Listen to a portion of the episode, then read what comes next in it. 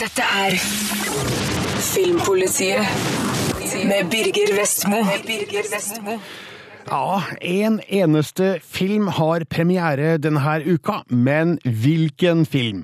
Vi har venta i lengsel og spenning på Peter Jacksons retur til Midgard, og på onsdag var det endelig klart for verdenspremiere på Hobbiten en uventet reise.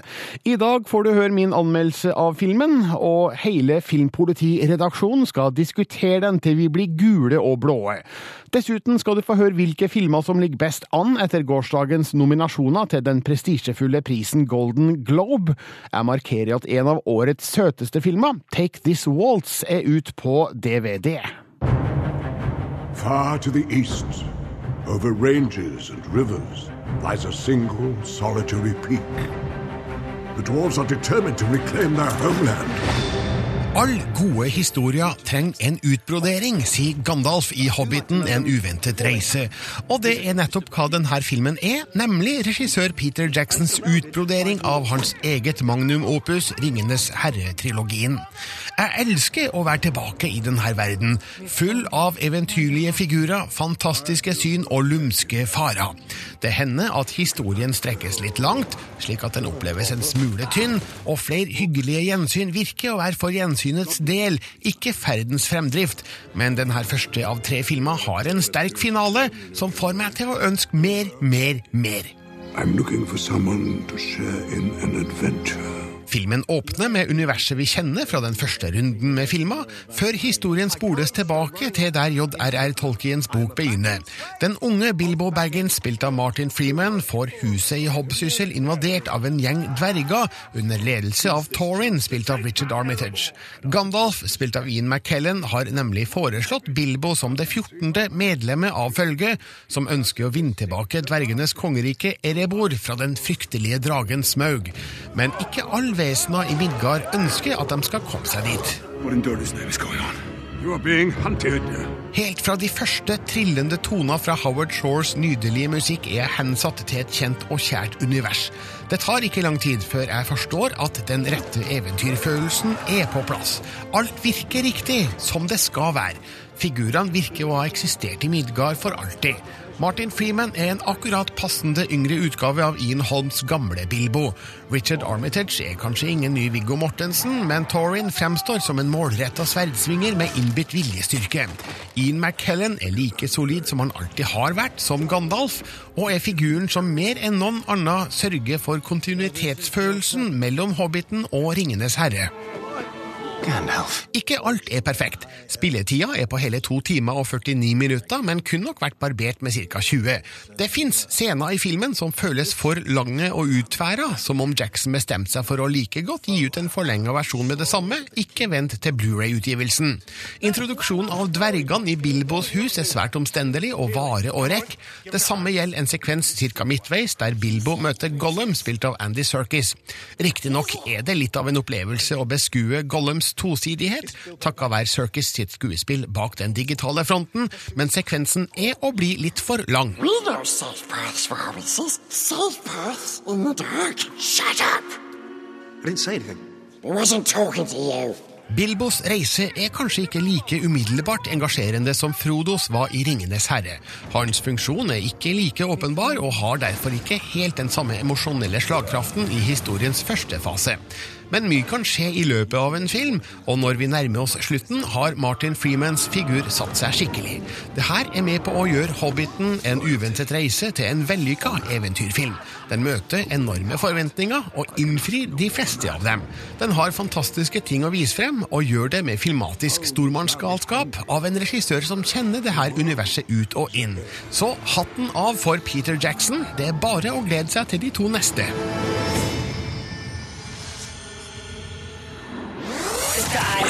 Filmpolitiet på P3. Nå har du altså hørt min dom over Hobbiten En uventet reise, men det har seg slik at det er flere i Filmpolitiets redaksjon som har sett eh, Hobbiten og har sterke meninger om filmen. Så her har jeg samla alt sammen. Eh, Rune Haakonsen, Andreas Opsvik og Marte Hedenstad. Hei og hå. Ja, eh, altså det er vel ingen av dere som er direkte uenig i eh, min anmeldelse, er det det? Nei. eh, Det er jo en del norske anmeldere som eh, spriker på terningkastene fra to. eh, Og da som det høyeste jeg har sett, er jo det Filmpolitiet du, Birger, har gitt, en terningkast fem. Men eh, jeg tror nok her inne i dette studioet så er vi ganske enige. Ja. Marte, hvordan følte du det da, da filmen satte i gang? Eh, Jeg eh, følte det veldig sterkt. Jeg er jo, eh, jeg er jo Tolkien-fan på min hals. Og da jeg satt i kinosalen, så var jeg gåsehud bare av å snakke om det. Og så kom musikken, og så var vi i Hobbiten igjen. Og Bilbo leser tekst fra Hobbiten. Da begynte jeg å grine. Så jeg følte at det var veldig fint å være tilbake i Midgard igjen, altså. Føltes det riktig, Andreas? Jeg begynte ikke å grine, men ja, det føltes veldig sånn sant mot de tidligere filmene. Ikke helt unaturlig, selvsagt, i og med at det er de samme folka som står bak. Men eh, ja, det føltes veldig riktig, da. Så hva syntes du, Rune, var, var bra med Hobbiten? Det var akkurat den eventyrfølelsen som, som Peter Jackson klarer å skape fra første stund. Um, på rulleteksten eh, så står det jo at eh, konsulent har jo vært Guillermo del Toro, regissøren som opprinnelig skulle ha prosjektet. Og jeg merker jeg er litt sånn spent bare, bare på tanken rundt hvordan ville en Hobbiten-film i hans eh, regi vært. Men jeg er veldig glad for at Peter Jackson eh, gjorde det trygge valget og tok oss tilbake til det eh, Midgard som vi kjenner så godt. Men det blir ikke for likt Ringenes herre-trilogien eh, da, Marte? Vi har liksom sett det før. Ja, og det er jo en del eh, scener som kanskje man føler at gjentar seg litt. eh, Spesielt den ørnescenen, uten å nevne for mye om det. Så, som kanskje folk vil kjenne veldig mye igjen. Men altså, det er jo hentet fra boken. Det er, begge tingene er jo Tolkien sine ting. Men når man da ser det igjen på film, så kan det føles kanskje litt for likt. Eh, Det kan jeg forstå. Men jeg uh, syns jo det er kjempefint, jeg, da. Ja, måtte det kanskje bare bli sånn? Måtte det bli veldig sånn blåkopi av Ringenes herre-filmene? Altså det er, han bruker jo veldig mye Tolkien mm. brukte jo veldig mye av de samme virkemidlene her og der. Ja. De ørnene, som sagt, og, og ulikt andre. Men jeg, jeg syns den har en litt Altså, den er em, det er jo en barnehistorie, på en måte. Du har mer de der glade sangen og, og joviale, koselige figurer som kanskje hadde stikket seg litt ut i Ringenes herre-filmene. Ja. Men eh, jeg syns jo det, det, er en veldig sånn koselig stemning. Men filmen starter jo med et eh, hyggelig gjensyn, et par hyggelige gjensyn, før da historien, sånn som vi kjenner fra boka, tar til. Eh, og jeg nevnte jo i anmeldelsen eh, nett, nettopp at det er flere hyggelige gjensyn som virker å være for gjensynets del, og ikke for historiens framdrift. Noen synspunkter på det? Det er, det er flere sånne øyeblikk som kanskje føles litt unødvendige. Og, og, og skal jeg på en måte min sterkeste ankerpunkt mot denne nye Hobbit-filmen er at den er, den er rett og slett litt for lang. Jeg tror eventyret ville vært mer intenst om de hadde kutta vekk kanskje så mye som en halvtime av sånne litt unødvendige scener. Um, og det er spesielt en del hvor eh, Radagast, trollmannen, er en sentral eh, aktør i filmen som jeg syns er litt unødvendig Det i som jeg syns filmfortellinga. er morsomt at du sier det, fordi da jeg så filmen med mannen min, så sier han Og jeg likte så godt han Radagast! Det var en skikkelig kul scene. Helt uten oppfordring fra meg. Så jeg syns han passa veldig godt inn. Eh, Og man må huske at eh, mye av de der gjensynene vi får, er jo selvfølgelig for å binde filmen sammen med Ringenes herre, for de som ikke kjenner eh, Tolkien sitt univers så godt, da.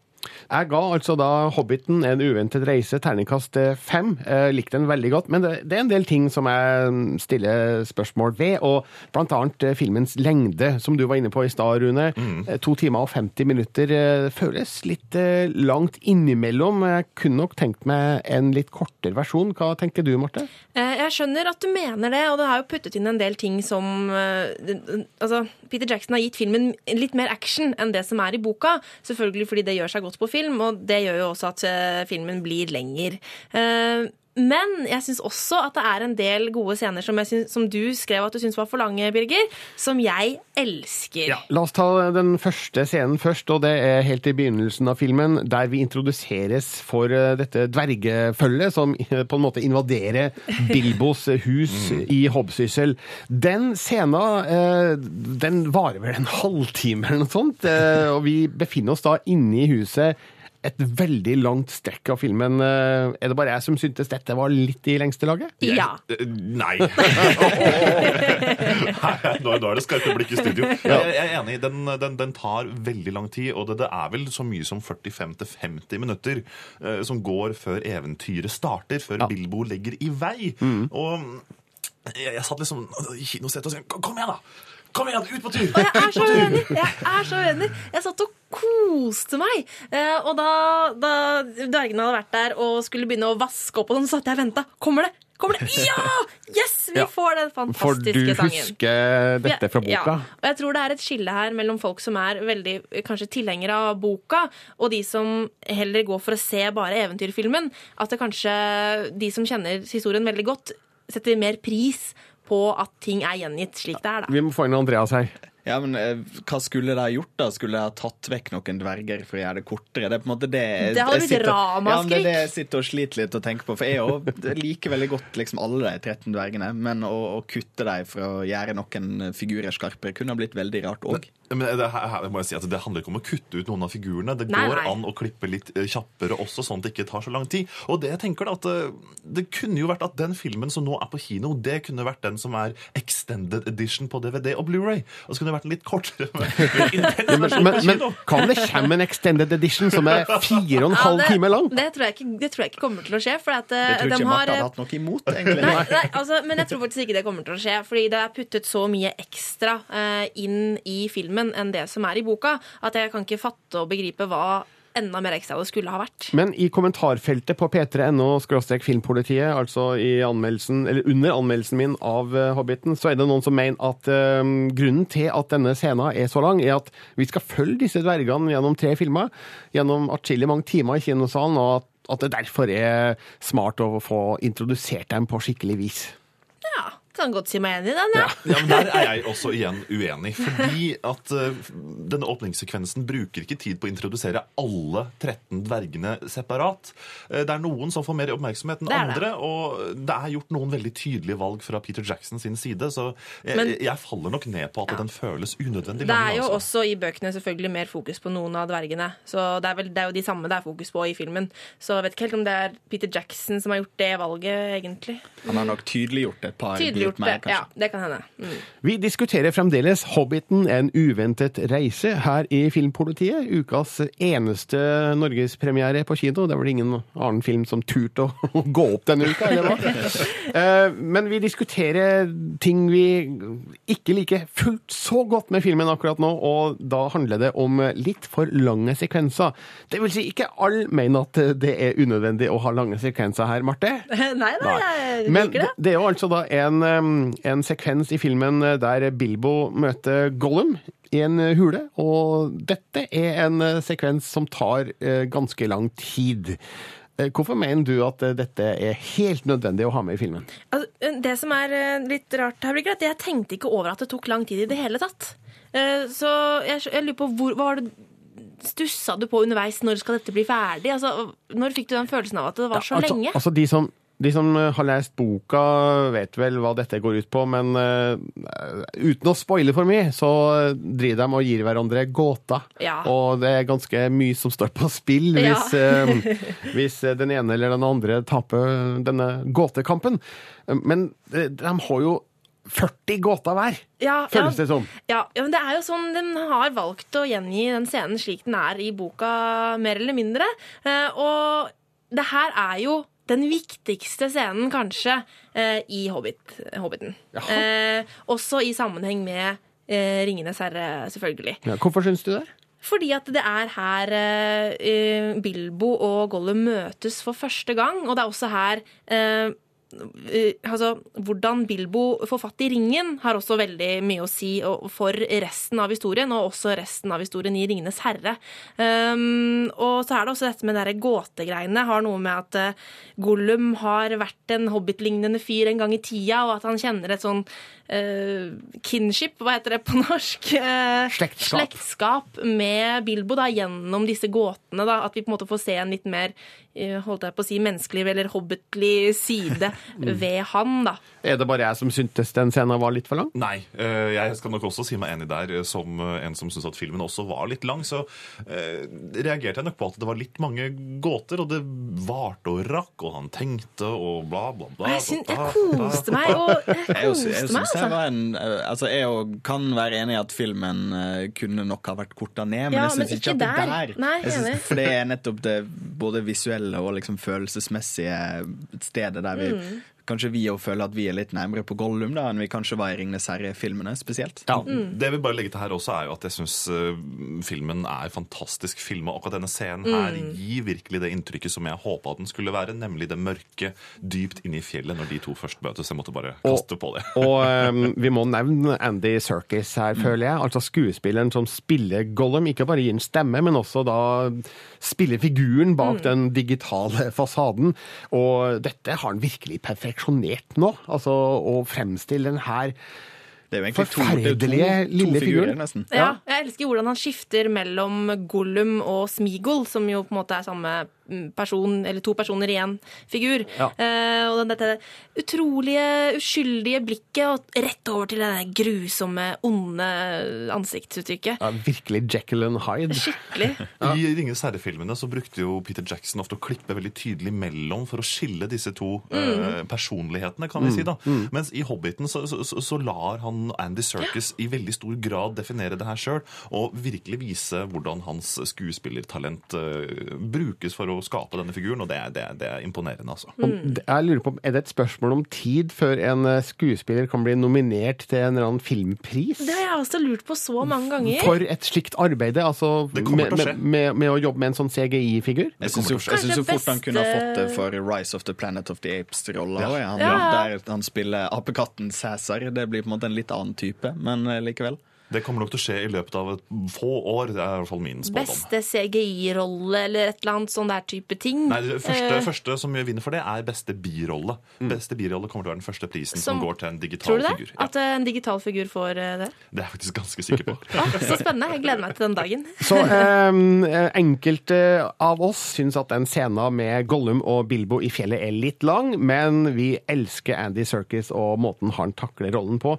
Du kan lese anmeldelsen min og se den og den på p3.no filmpolitiet, og der skriver jeg at, eh, og sier at jeg er hensatt til et kjent og kjært univers, og at det ikke tar lang tid før jeg forstår at den rette eventyrfølelsen er på plass. Alt virker riktig, sånn som det skal være. Og det er vi skjønt enige om her i Filmpolitiets eh, redaksjon, både Rune, Marte og Andreas. Kan dere sette ord på hvorfor, hvorfor liker vi det her så godt? Det ser jo fantastisk ut, da. Altså, Peter Jackson og, og de har jo klart å lage en stemning med både det visuelle med alle de overflygingene. Det kjente vi kanskje mest igjen fra Ringnes herre. er store helikopter... New Zealand-reklamen, mener du? Ja, Ja, Det, det skal være stort og majestetisk, og det skal være pompøst. Ja, det er veldig pompøst. Ja. Alle mulige sånne nærme innskudd over det eh, gigantiske naturlandskapet er kjempeflott. Og Det den miksen, miksen av riddere og alver og eventyrfigurer og Og Grunnen til at det her ser så fantastisk ut, er jo bl.a. pga. den nye teknologien som er blitt tatt i bruk, altså 48 FPS, som det så gjerne heter. eh, Hvor det vises 48 bilder i sekundet på filmlerretet, i motsetning da til vanlig film, som er 24 bilder i sekundet. Det var knytta ganske mye spenning til akkurat det her også før filmen kom. Og det var uvant det, de første 15-20 minutta. Ja, det var det. Jeg er litt usikker på om det kun var at det var uvant eh, i starten, eller om det var at den, de, de første delen av filmen er det dagslys i mye større grad. Så jeg vet ikke om det er lyset, det skarpe lyset som gjør at vi syns det så litt for ekte ut, eller om det var at vi ikke var vant til det. Det var for bra! Ja, altså Det så litt ut som at eh, vi var med på innspillingen. Ja, på altså settet. nyhets, en, Ja. nyhets, en En nyhetsreportasje fra settet. bakomfilm, liksom. Ja, men den følelsen forsvant rimelig kjapt, da. Et Og da var det bare veldig inn. flott. Ja, og etter det så, så, så, så slo det meg, og jeg begynte å ta inn over meg Herregud, for en kvalitet på bildene. Altså I nærbilder kan du se porene i ansiktene til, til skuespillerne, mens over de store som vi sa, helikopterkjøringene over landskap, så er det som eh, altså Gåsehuden setter seg med en gang. Det er veldig, veldig pene bilder. Men ikke alle kritikere liker det de ser, og har kalt bildet for flatt og dødt. Det skjønner jeg. Jeg klarer er ikke å forstå det. Den danske anmelderen Christian Mungård hadde en veldig fin sitat, for han synes filmen ser rett så tarvelig ut. Ja. Eh, Og det må jeg si meg veldig uenig i. Ja, Altså. da må han ha sett filmen under eh, ikke så gode forhold, tenker jeg. Altså, Nå har alle vi sett filmen i 48 frames per second. Vi har ikke sett den enda i 24 frames per second, som man også kan gjøre i enkelte, eller en del, god del kinosaler i Norge. Så eh, hvordan tror dere det vil arte seg, og den forskjellen mellom eh, vanlig kino og den nye teknologien? Jeg tror nok eh, mest sannsynligvis at de som kun ser den i 24 frames per second, vil sikkert ikke føle at de har gått glipp av noe.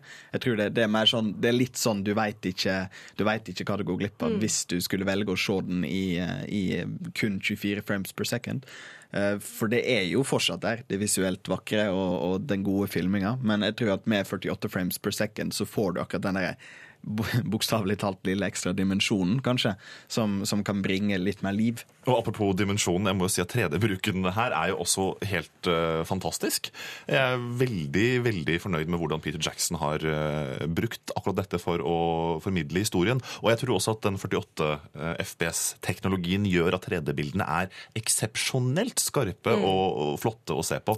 Så teknisk sett eh, så tror jeg kanskje det nok venter en liten Oscar-nominasjon for noen av de tekniske prisene her. Men det blir veldig spennende å se i hvor stort omfang eh, andre filmskapere vil ta i bruk 48 frames per second. Om det her blir den nye standarden, eller om det blir forbeholdt de store eventfilmene, sånn som Hobbiten er. Ja, og eh, godeste Avatar, hva er det han heter? James Cameron. James Cameron, takk. Godeste James Cameron eh, som lager Avatar, har også sagt at de kommende filmene hans eh, skal bruke denne teknologien. Så jeg ser for meg at den nok først blir plukka opp av de der veldig teknisk opptatte eh, regissørene og filmskaperne, sånn som han. Og så tipper jeg at eh, de som velger å lage 3D-film, som jo nå er veldig mange, også vil plukke det opp, fordi det gir en ekstremt mye mer klarhet eh, i 3D-bildet, som ofte har vært et litt problem før, syns jeg. At ting føles litt blurry og sånne ting når det er i 3D. Og det tar eh, dette her rett og slett vekk. Så det ser mye klarere ut. Men eh, hvis vi lar teknologien eh, ligge for å prøve å oppsummere her, eh, er Hobbiten en uventet reise et stort nok eventyr til å tilfredsstille Ringenes herre-fansen? Jeg må si et utvetydig ja. Absolutt. Det, jeg tror du, du, skal, du skal slite litt hvis du er veldig glad i bøkene, og for ikke å like denne. Ja, jeg syns det er kjempeflott. Ja, jeg er helt enig med dere. Vi er rørende enige her i Filmpolitiet, så får andre mene hva de vil. Har du lyst til å lese eller se anmeldelsen av Hobbiten, en uventet reise, så gjør du det på p3.no filmpolitiet. P3. Du hører på Du hører på P3. P3. Dette er P3. Programmet heter Filmpolitiet, og om litt skal du få et gjenhør med min anmeldelse av Take This Waltz, som nå er ut på DVD.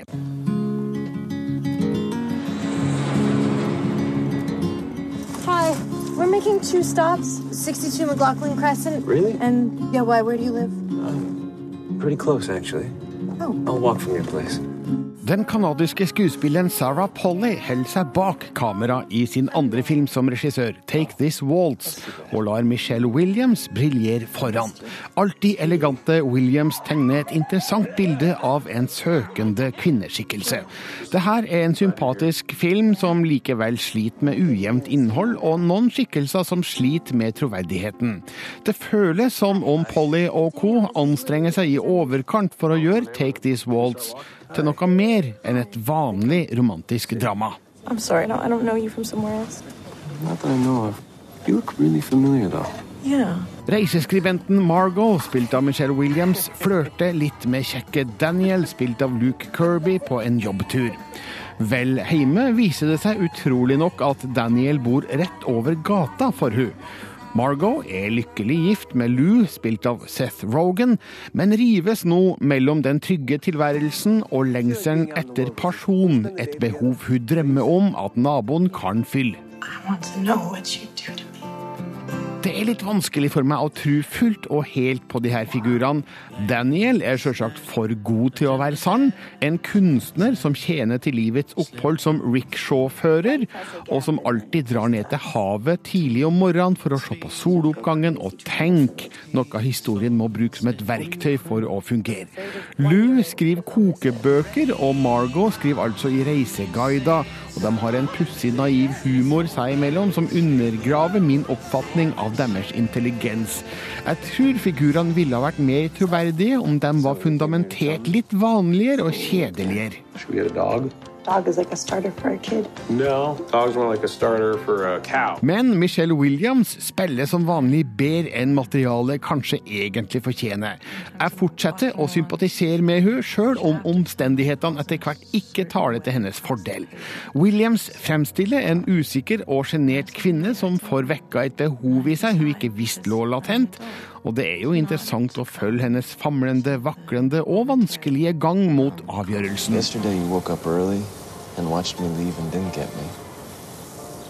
And today you got me.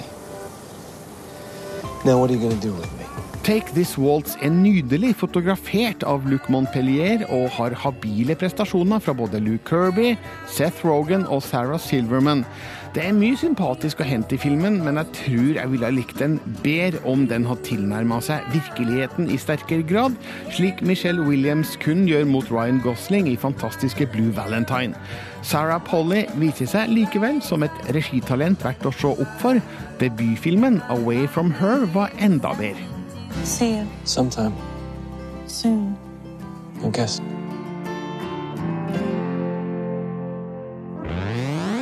Dette er Filmpolitiet med Birger Vestmo.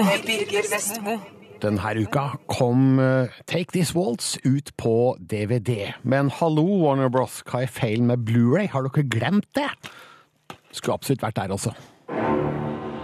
Filmpolitiet presenterer Som du kanskje har fått med deg, Kon-Tiki ble i går gledelig nominert til en Golden Globe for Best Foreign Language Motion Picture, og har dermed havna i celebert selskap med annet Amour fra Østerrike og En kongelig affære fra Danmark.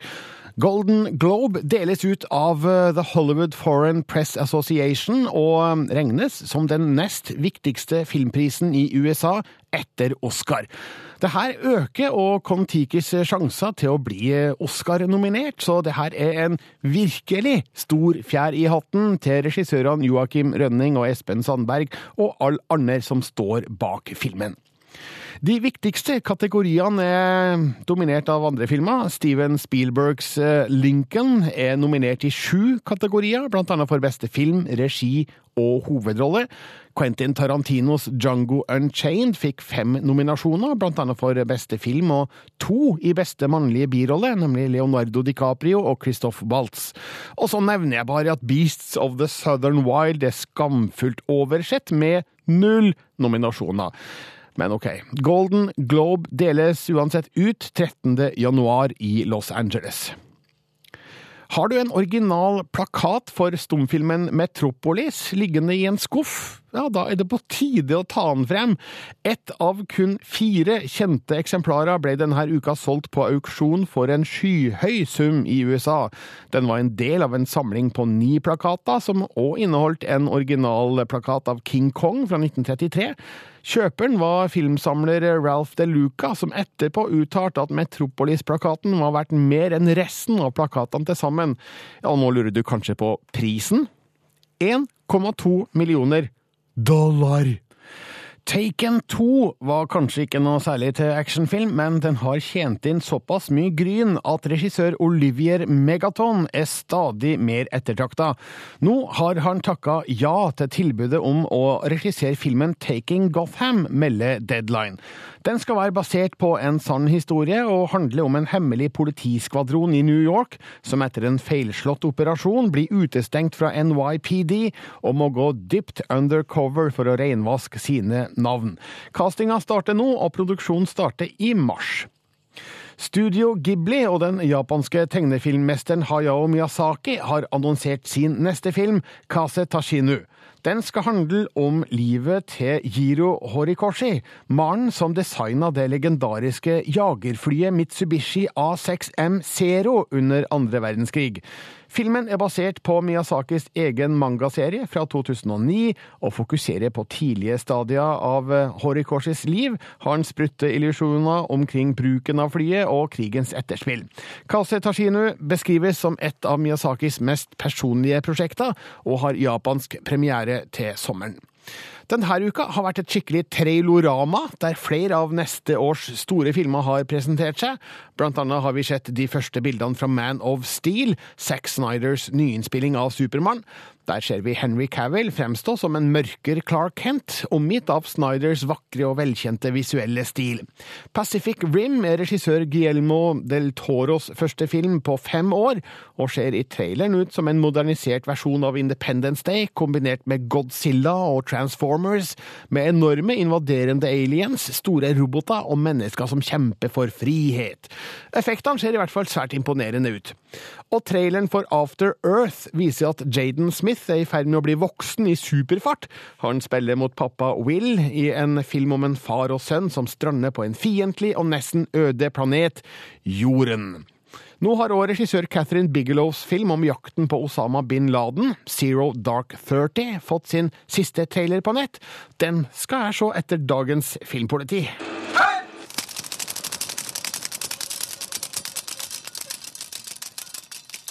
Vi har jo diskutert Hobbiten tidligere i dagens eh, filmpoliti, men vi må tilbake til Hobbiten på et vis, eh, og ikke minst da filmens regissør Peter Jackson. Andreas Opsvik, du har nemlig skrevet en sak på p3.no filmpolitiet som tyder på at denne mannen har en ekstrem arbeidskapasitet. Ja, det kan omtrent virke som om Peter Jackson ikke sover. Fordi nå har han gått ut og sagt at jo da, han skal lage en Tintin-oppfølger. Og den her skal han lage mens han fortsatt holder på med de kommende eh, Hobbiten-filmene. Ja, og jeg skjønner ikke helt hvordan han skal få dette til, fordi den neste Hobbit-filmen den kommer jo da om et år, og det er jo et vanvittig etterarbeide som ligger foran han, antar jeg, for å få ferdig den filmen. Og så skal han da i tillegg regissere en svær Tintin-film mens alt det her foregår. Ja, som du sier, postproduksjon, altså etterarbeidet på Hobbiten-filmene vil jo foregå. I tillegg har han sagt at han kommer til å gå ut og, og ta opp noen nye scener for å, for å fylle ut eh, til den tredje filmen. Og det å skulle gjøre det her avanserte motion capture-teknikken i Tintin-filmene i mellomtida, det virker jo egentlig helt latterlig mye arbeid. Ja. Nå har han jo riktignok eh, Spielberg eh, som hjelp på Tintin, og eh, Andy Serkis som andre regissør på Hobbiten-filmene, men det er nok likevel et stort, sånn monumentalt arbeid han har foran seg. Ja. Eh, har Jackson sagt noe om hvorfor han vil gå i gang med dette nå? Det er vel mest sannsynligvis for å lage denne filmen før det blir for lenge siden den forrige. Eh, For nå er det jo, sjøl selv med alt dette arbeidet, så er det jo ikke før i 2015 at den eh, Tintin-filmen kom til å komme. Så hadde en venta lenger enn det, så blir kanskje franchisen litt for kald, kanskje. En, en, den, den forsvinner bak i, i minnet, så det er nok mest sannsynligvis derfor. Tror du dette har noe å si for eh, kvaliteten på de to neste Hobbiten-filmene? At han skal holde seg occupied med en eh, svær Tintin-film i mellomtida? Altså, Hvis en har sett på de her eh, produksjonsdagbøkene fra Hobbiten, så virker det jo som han bokstavelig talt er en mann som ikke sover uansett. Så jeg tror nok at uh, kanskje han ikke vil ha like masse detalj, fingrene i detaljene som i de eh, filmene før, men jeg ser jo for meg at Peter Jackson kommer til å være en litt sånn allstyrende personlighet uansett. Og du nevnte jo Spielberg, som jo regisserte den første Tintin-filmen, og som skal være med som produsent på den neste. Det er vel ikke den verste hjelpegutten å ha med seg? Nei, når du har en fyr med såpass mange tiår med, med stor filmproduksjon i uh, muskelminne som Steven Spielberg, så skal det litt til for at det går galt. Hva tror du om Peter Jacksons Tintin-film, og hvilke konsekvenser det kan få eller ikke få for Hobbiten-filmene? Det kan du gå inn og kommentere på p3.no filmpolitiet. Dette er P3. Noen av årets sterkeste filmscener kom i den norske dokumentaren Til ungdommen, som gikk på kino i høst. Denne uka kom den ut på DVD, og her er mine grunner til hvorfor dette er en film du bør se. Vi vil sette et tak på innvandring og asylmottakelse av antall- antall vi skal ta imot. For vi er mer interessert i å tilfredsstille vår egen befolkning. Hvorfor har du blitt et rasistisk parti? Denne dokumentarfilmen forteller om fire glødende, engasjerte ungdommer i fire ulike ungdomspartier. Filmen ble påbegynt i 2010, men planene måtte naturlig nok endres etter 22. juli i fjor, noe regissør Kari Anne Moe har takla glimrende. Noen av ungdommene kommer kanskje litt i skyggen av det som skjedde med én, men filmen oppleves som en varm og verdifull hyllest til ungdomsgenerasjonens mot, kraft og vilje. Jeg føler at hvis Når jeg sitter i en debatt, så skal på en måte, det er jeg som representerer hele partiet. Filmen introduserer oss gradvis for de fire. Johanne fra AUF, Sana fra SU, Håkon fra Unge Høyre og Henrik fra FPU. De forteller litt om seg sjøl, og vi får se hvordan de tilnærmer seg sitt virke som ungdomspolitikere. Men plutselig er vi sammen med Johanne om bord på MS Torbjørn på vei til Utøya. De her bildene er sterke. Vi ser glade ungdommer i full vigør med sang, dans, leik og politisk alvor. Jonas taler, datarock spiller, Johanne ringer hjem for å si at hun lever. Men jeg skulle bare si at jeg lever, holdt jeg på å si. Denne sekvensen inntar nesten en uforklarlig lyrisk form, for vi vet så altfor godt hva som skjedde neste dag. Da er ikke filmteamet på Utøya lenger, men Johanne forteller sin sterke overlevelseshistorie direkte til kamera, med en iskald dramaturgi som omtrent ikke kunne vært skrevet bedre, og vi ser hvordan ansiktet hennes har fått et slør av det nye alvoret over seg. Det her gjør sterkt inntrykk. Alle spør ikke sant? Ja, hvordan går det, men så vet jeg ikke selv hvordan det går. ikke sant? De andre ungdommene må ha meg unnskyldt, men jeg må innrømme at det er Johannes skjebne som fanger interessen min aller mest. Jeg skulle gjerne sett mer av hun og hvordan hun takler livet etterpå, men det er kanskje grensa for hvor mye man kan kreve at ei jente utleverer seg på film. Johanne er ekstremt modig som stiller opp og gir Utøya-overlevende et ansikt. Det fører òg til at de andre medvirkende ikke blir like interessante å følge med for mitt vedkommende, men de er viktige i den forstand at vi ser hvordan det ungdomspolitiske miljøet lever på tvers av partigrensene. Hvis det her hadde vært en muslim som gjorde det, hvordan hadde samfunnet vårt vært? Til ungdommen viser heldigvis at livet går videre, det ungdomspolitiske arbeidet fortsetter. Norge er fullt av engasjerte, samfunnsbevisste ungdommer som vil være med å styre landet fremover. Regissør Kari Anne Moe og hennes stab har gjort et grundig arbeid som på tross av endra forutsetninger leverer gode portretter av det ungdomspolitiske Norge. Til ungdommen er en herlig bekreftelse på at demokratiet lever i beste velgående.